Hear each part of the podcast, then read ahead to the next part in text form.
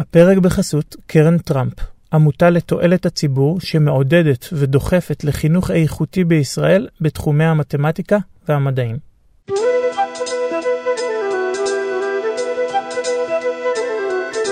אתם מאזינים לפה ושם בארץ ישראל. יוצר ומגיש יפתח מזור. פרק 25 יש לך יצורים על הפיצה, על העולם הנסתר והמופלא של הפטריות.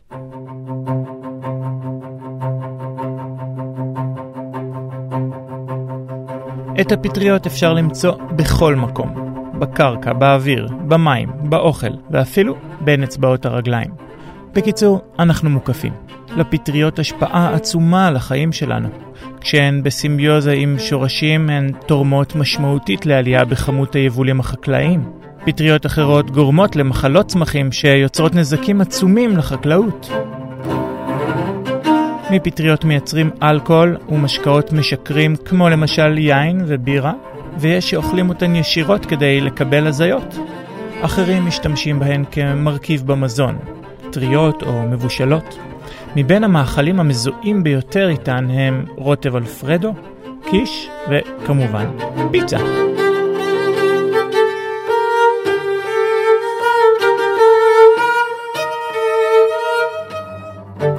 ואם מעמיקים לחשוב על זה, אז רוב הפטריות בפיצה נמצאות בכלל בבצק, ולא על הגבינה, שהרי שמרים הם סוג של פטריה. מכאן שהפטריות הן המחוללות של הלחם, ומצד שני, הפטריות הן גם המחללות של הלחם. אותו עובש ירוק שצומח על הפרוסה ונותן את האור הירוק לזרוק אותה לפח, עשוי להיות לא אחר מאשר פטריה בשם פניציליום. ואם כבר הזכרנו פניציליום, היא המקור לאנטיביוטיקה הראשונה שהתגלתה, פניצילין. אז הפטריות הן המקור לתרופות מצילות חיים, אבל מצד שני, פטריות אחרות גורמות ללא מעט מקרי חולי עד מוות, או כפתוגנים, או כרעל קטלני כאשר הן חלות בשוגג. אבל ייאמר לזכותן, פטריות הן מבין היצורים שדואגים לפנות את הגוויות מעל פני האדמה, יחד עם התולעים, החיידקים והנשרים. אילולי הפטריות היה, היה נסתם בגזעי עצים. האדמה הייתה שורצת ביצורים מתים.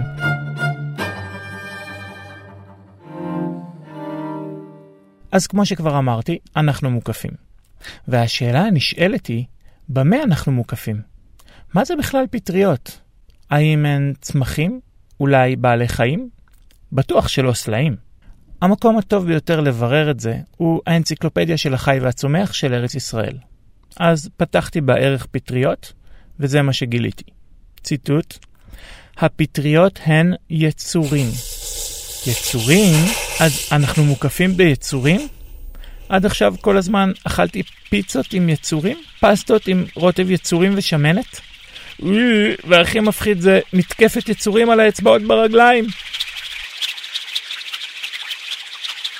כדי להבין מה שונה בין פטריות לצמחים או בעלי חיים, ולמה מכנים אותן יצורים, נצטרך קודם כל לומר כמה מילים על תורת מיון עולם החי. לפני כמה שנים פגשתי איזה אבא אחד, שלימד את הבן הקטן שלו לשנן את הרשימה הכרונולוגית של כל רמטכ"לי ישראל.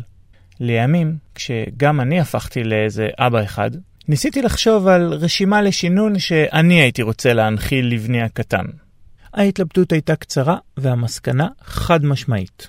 הבן שלי צריך לדעת על בוריה את הטקסונומיה הליניארית של לינאוס. מה מה מה סם סם. מה מה מה סם סם. קארולוס לינאוס, או סתם לינאוס, איך שקוראים לו החבר'ה, נולד ב-1707 באזור עני בדרום שוודיה. עוד מילדותו גילה התעניינות ערה בעולם הצומח, אבל כשהגיע לבגרות הוא נשלח ללמוד רפואה. בגלל מצבו הכלכלי הקשה הוא הורשה לבקר רק במספר מצומצם של הרצאות, וכדי להמשיך וללמוד פרנס את עצמו בכך שהורה בוטניקה בגן הבוטני האוניברסיטאי.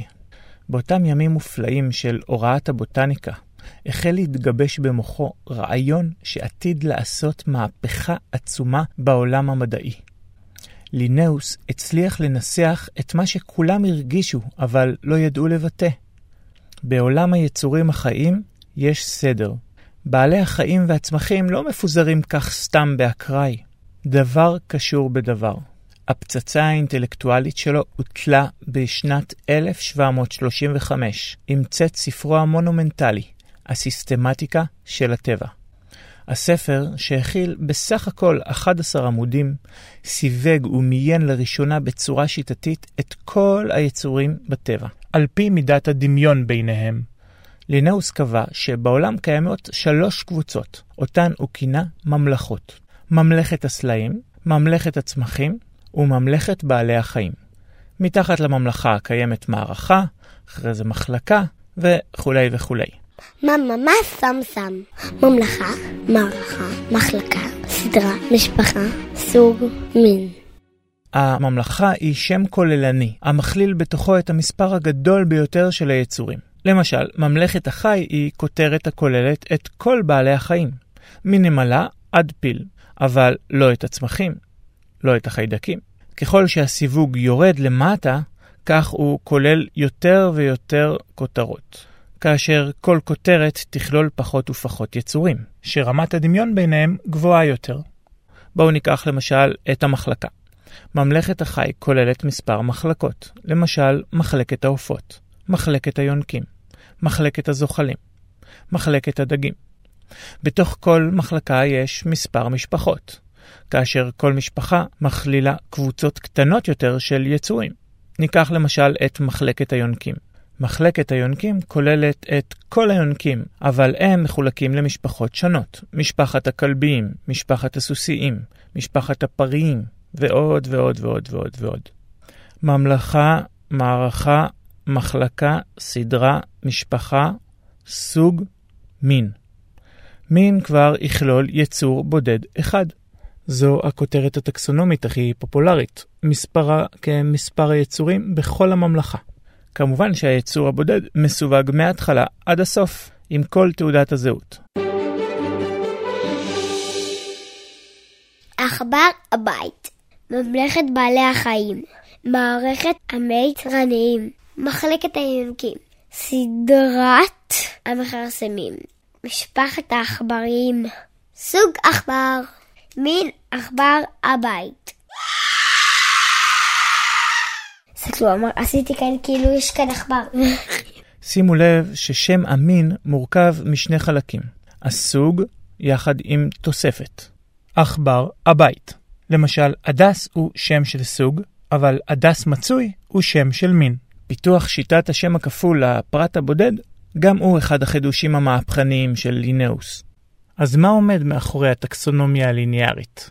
מאיפה הגיע הסדר לעולם? כשאנחנו מביטים על עצמנו ועל הסובבים אותנו, אנחנו רואים שבאופן כללי רוב בני האדם דומים לנו במידה זו או אחרת, אבל אלו שהכי דומים לנו הם בני משפחתנו. הסיבה לכך היא ברורה. אחי או אחותי, אבי או אמי, או לפעמים השכן מלמעלה, דומים לי משום שהם חולקים איתי חלק נכבד מהגנים שלי. ולא רק בני האדם דומים לי. יש גם כמה קופים. אחרת, איך אפשר להסביר את זה שכשהייתי ילד, אבא שלי היה קורא לי מדי פעם בבון? במכתב ליוהאן גמלין הגרמני מ-1747, כתב לינאוס שמבחינה מדעית היה עליו לקרוא לאדם קוף ולהפך. אך הוא לא עשה זאת משום מורא הסמכות הדתית. רגע, רגע, רגע. זה מזכיר לכם משהו?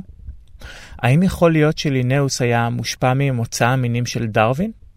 התשובה היא שלא, משום שמוצא המינים נכתב כמאה שנים מאוחר יותר. לינאוס לא ידע מה זה אבולוציה, מה זה מוצא משותף, וברור שלא גנים. הוא פשוט הבין שיש סדר בעולם הטבע, והוא נובע מדמיון בין יצורים. אבל לא היה לו הסבר טוב למה. זאת אומרת, היה לו הסבר, אבל הוא כלל בתוכו את אלוהים, ובעולם המדע, הסבר מסוג כזה מקביל לאמירה אין לי מושג. כשהגיחה לעולם תורת האבולוציה של דרווין, היא התיישבה על הטקסונומיה הליניארית של לינאוס כמו כפפה על יד. דרווין הצליח לספק הסבר הגיוני, משביע את הדעת לסיבת הדמיון בין יצורים. והסיבה הזאת הייתה כל כך פשוטה וכל כך הגיונית. בין כל היצורים החיים יש קשרי משפחה, משום שהם התפתחו מאב קדמון משותף. אני דומה לאחי כיוון שיש לנו אותם הורים, אבל אני גם דומה לבבון כי יש לנו אותם הורים, רק במרחק של 20 מיליון שנה אחורה. כמו שאמרתי, לינאוס חילק את עולם היצורים החיים לשתי ממלכות, ממלכת החי וממלכת הצומח. את הפטריות הוא כלל בתוך ממלכת הצומח. אולם עם הזמן הסתבר שהמרחק הגנטי בין צמחים לפטריות הוא כל כך גדול, שצריך להעניק להן ממלכה משלהן. כיום הושמטה ממלכת הסלעים, ונקבעו שלוש ממלכות נוספות מלבד החי והצומח. ממלכת החיידקים, ממלכת הפרוטוזואה וממלכת הפטריות. אז במה שונות פטריות מרוב הצמחים? כמעט בכל. אזכיר רק כמה הבדלים בולטים. לפטריות למשל אין כלורופיל, וזאת גם הסיבה שהן לא ירוקות.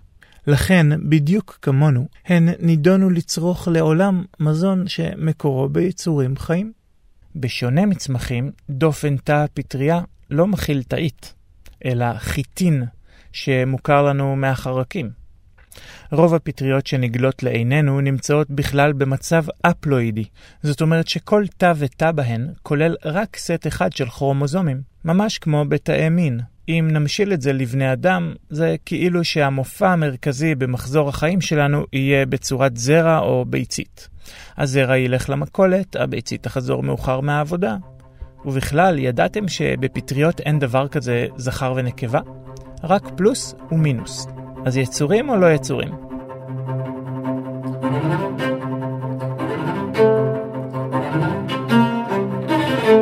טוב, אבל צריך להודות. זו לא חוכמה לכנות את הפטריות יצורים, מכיוון שכל מי שרוח חיים באפו נחשב ליצור, גם אנחנו לצורך העניין. אז אם הפטריות לא שייכות לממלכת הצומח והן לא צמחים, ולא שייכות לממלכת החי ולכן הן לא בעלי חיים, מה הן בכלל? התשובה מאוד פשוטה. משום שהן שייכות לממלכת הפטריות, הפטריות הן פשוט פטריות. עוד פעם אחת. מה מה מה שם שם. גדולים. עד כאן הפרק על עולם הפטריות. בטח חלקכם הבחין שמדובר בפרק הפינה שלי אצל רן לוי.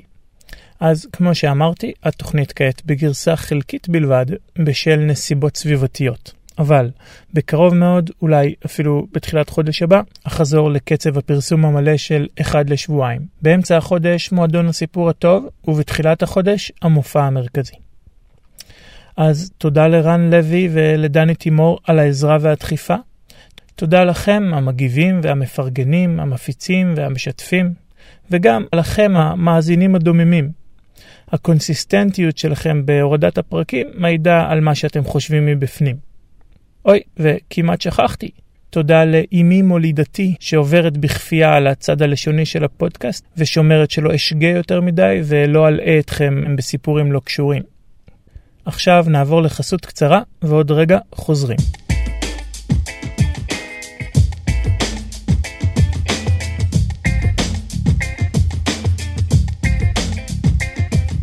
מדינת ישראל אולי נחשבת לזבת חלב ודבש, אבל בכל הקשור לאוצרות טבע ומחצבים ממעמקי האדמה, אנחנו די חלשים.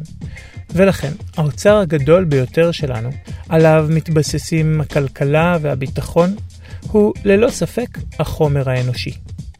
השקעה בחינוך היא נכס אסטרטגי לא פחות חשוב מהשקעה בהגנה או בתשתיות.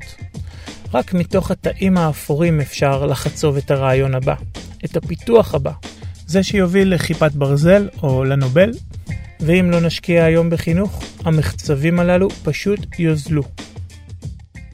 קרן טראמפ היא קרן פילנטרופית שלקחה על עצמה את אחת המטרות החשובות והמאתגרות ביותר בחברה הישראלית. להביא לשיפור בהישגי החינוך הציבורי בישראל בתחומי המתמטיקה והמדעים. והדרך שלה לעשות את זה היא על ידי עידוד וקידום איכות ההוראה. במסגרת זו, קרן טראמפ רוצה להביא לידיעת הציבור את יום המורה הארצי שמתקיים ב-15 לדצמבר בעוד כחודש וחצי. מחקרים מראים כי איכות ההוראה היא הגורם המשפיע ביותר על הישגי התלמידים בכיתה. וגם ללא מחקרים, אני הרגשתי את זה על עצמי. אני יודע שלמיכל, המורה שלי לביולוגיה מכיתה ט' עד י', ולצבי אפרתי, שלימד אותי במגמת חקלאות עד סוף י"ב, היה חלק גדול בהחלטה שלי לבחור ללכת ללמוד ביוטכנולוגיה. אבל את זה הבנתי רק בדיעבד. ואז הם כבר לא היו מספיק קרובים אליי גיאוגרפית כדי שאוכל לבוא ופשוט לומר להם תודה. ובכלל, איזה תלמיד י"ב הולך ואומר תודה למורים שלו? אז הנה, יום המורה בא להזכיר לנו שאף פעם לא מאוחר מדי. ב-15 לדצמבר השנה יתקיים יום המורה הארצי, שייתן לכולנו הזדמנות שנייה להודות למורים ולמחנכים שלנו. יום המורה הוא יום מיוחד שנועד לבטא את ההערכה הגדולה שלנו לעבודתם הקדושה והנשגבה של המורים בחינוך דור העתיד של מדינת ישראל. להזכיר להם כמה אנו חבים להם תודה, לפרגן להם על היכולות שלהם, לומר את מה שלא חשבנו לומר כשסיימנו תיכון. בתור מגיש פודקאסט, אני יכול להתוודות כי השכר של מילה טובה שווה בהרבה יותר מהשכר בכסף. טוב, נו, בפודקאסטים אין הרבה כסף בכל מקרה. אז צבי ומיכל היקרים, אנצל את הבמה הזאת לאוזני אלפי המאזינים שלי כדי לומר לכם תודה. תודה על מי שאתם, תודה על מה שהייתם בשבילי, הייתם באמת מורים נפלאים. וכדי שגם אתם תשמעו את זה, ולא רק המאזינים, אחפש אתכם בפייסבוק ואשלח לכם קישור לפרק. וגם אתם מוזמנים להיכנס לדף הפייסבוק של יום המורה, לעשות לו לייק ולשאוב רעיונות איך להודות למורה או המורה שלכם דרך האתר של יום המורה. קישור לאתר או לדף הפייסבוק של יום המורה תוכלו למצוא בדף הפרק. תודה לקרן טראמפ על תמיכתה במורי ישראל ובפה ושם בארץ ישראל. אם גם אתם מעוניינים לפרסם ולתמוך בתוכנית, פנו אלינו במייל לכתובת israelipodcast@gmail.com. חזרנו. למאזיניי החדשים אזכיר ואומר שבשלוש שנים האחרונות יצאתי בפרויקט גדול מימדים בשם שירה עובדת, בו אספתי מעל לשלושת אלפים שירים מקוריים שהולחנו בקיבוצים שונים ברחבי הארץ. מה מיוחד בשירים האלה? המיוחד בהם הוא שהם מעולם לא התפרסמו. והסיבה שהם לא התפרסמו מטעמים אובייקטיביים, מכיוון שהם נועדו למטרות פנימיות, קהילתיות של הקיבוץ עצמו, ולא לרדיו. יש כמה שכן יצאו החוצה מתוך הקיבוץ וכבר הפכו למוכרים ואהובים על כולם, כמו למשל השיר אגדת דשא של מאיר אריאל, שנכתב לחתונה בקיבוץ משמרות, את תלכי בשדה, שהולחן לטקס יום השואה בקיבוץ יד מרדכי, או החיטה צומחת שוב, שהולחן לזכרם של 11 הרוגי קיבוץ בית השיטה במלחמת יום הכיפורים. אבל רוב רובם של השירים נשארו ונכלאו בדלת אמות הקיבוץ ולא יצאו החוצה. הרעיון של הפרויקט שלי הוא לתת לשירים הללו במה ולקדם את הטובים מהם בחברה הישראלית. אני עושה את זה דרך התקשורת, כמו למשל שידורים מיוחדים רק של הפרויקט בגלי צה"ל, ברשת ב', ברשת ג' ועוד כל מיני רשתות. הופעות בטלוויזיה, כתבות בעיתונות. למשל, לפני חודשיים הייתה במוסף השבת של הארץ כתבה מיוחדת על הפעילות שלי, שכותרתה הייתה יחי הפולק הישראלי. וגם בכתבה היה אפשר להאזין ללקט מהשירים שנמצאים באתר. איזה אתר? האתר של הפרויקט. במסגרת הפרויקט הקמנו אתר אינטרנט ייעודי שמאחסן את כל השירים האלה, וניתן להגיע אליהם דרכו, וכמובן להאזין. עד עכשיו השקענו בו כמעט 100 אלף שקל באתר הזה. השיר הבא שאני רוצה להשמיע לכם נקרא הרף עין. כתב והלחין אותו אילן ארד, מבצעת ענת גולדמן, שניהם מקיבוץ בית זרע. באתר שירה עובדת באינטרנט תוכלו כמובן למצוא אותו, ועוד המון אוצרות כמותו. אז ביי בינתיים, ונתראה בפרק הבא.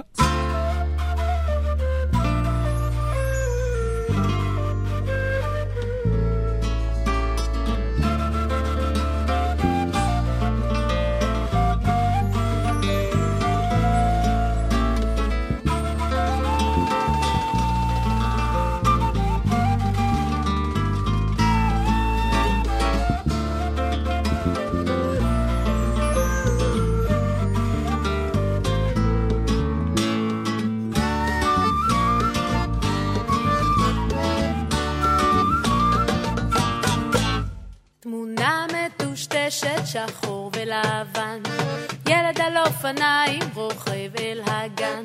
במרחבי הדשא אין משמעות לזמן, במילא אתה שם מוגן.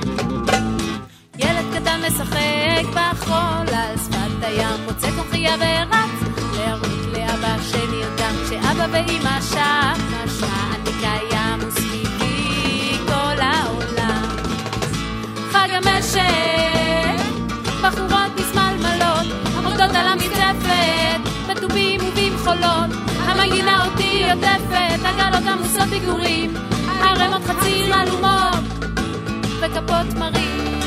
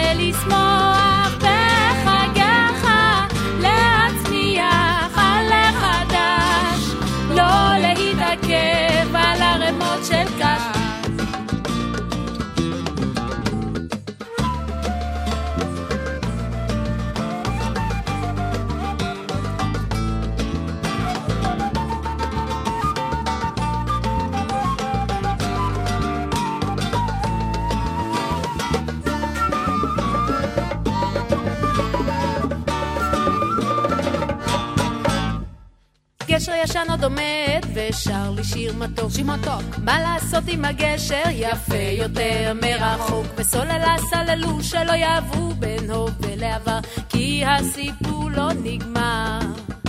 ובדשא שוב צצים כמו פטריות. ילדים אחרי הגשם וצחוקים וצעקות. המנגינה אותי עוטפת עגלות עמוסות פרחים. עלמות וצמות מגישות מרים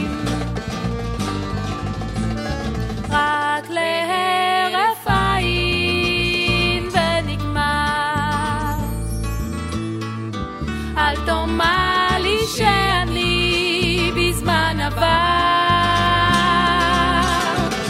הריקוד חוזר, אבל הוא אחר, לא כל כך פשוט, אימה לדבר. הילדים סומכים עליך שתלמד חבר.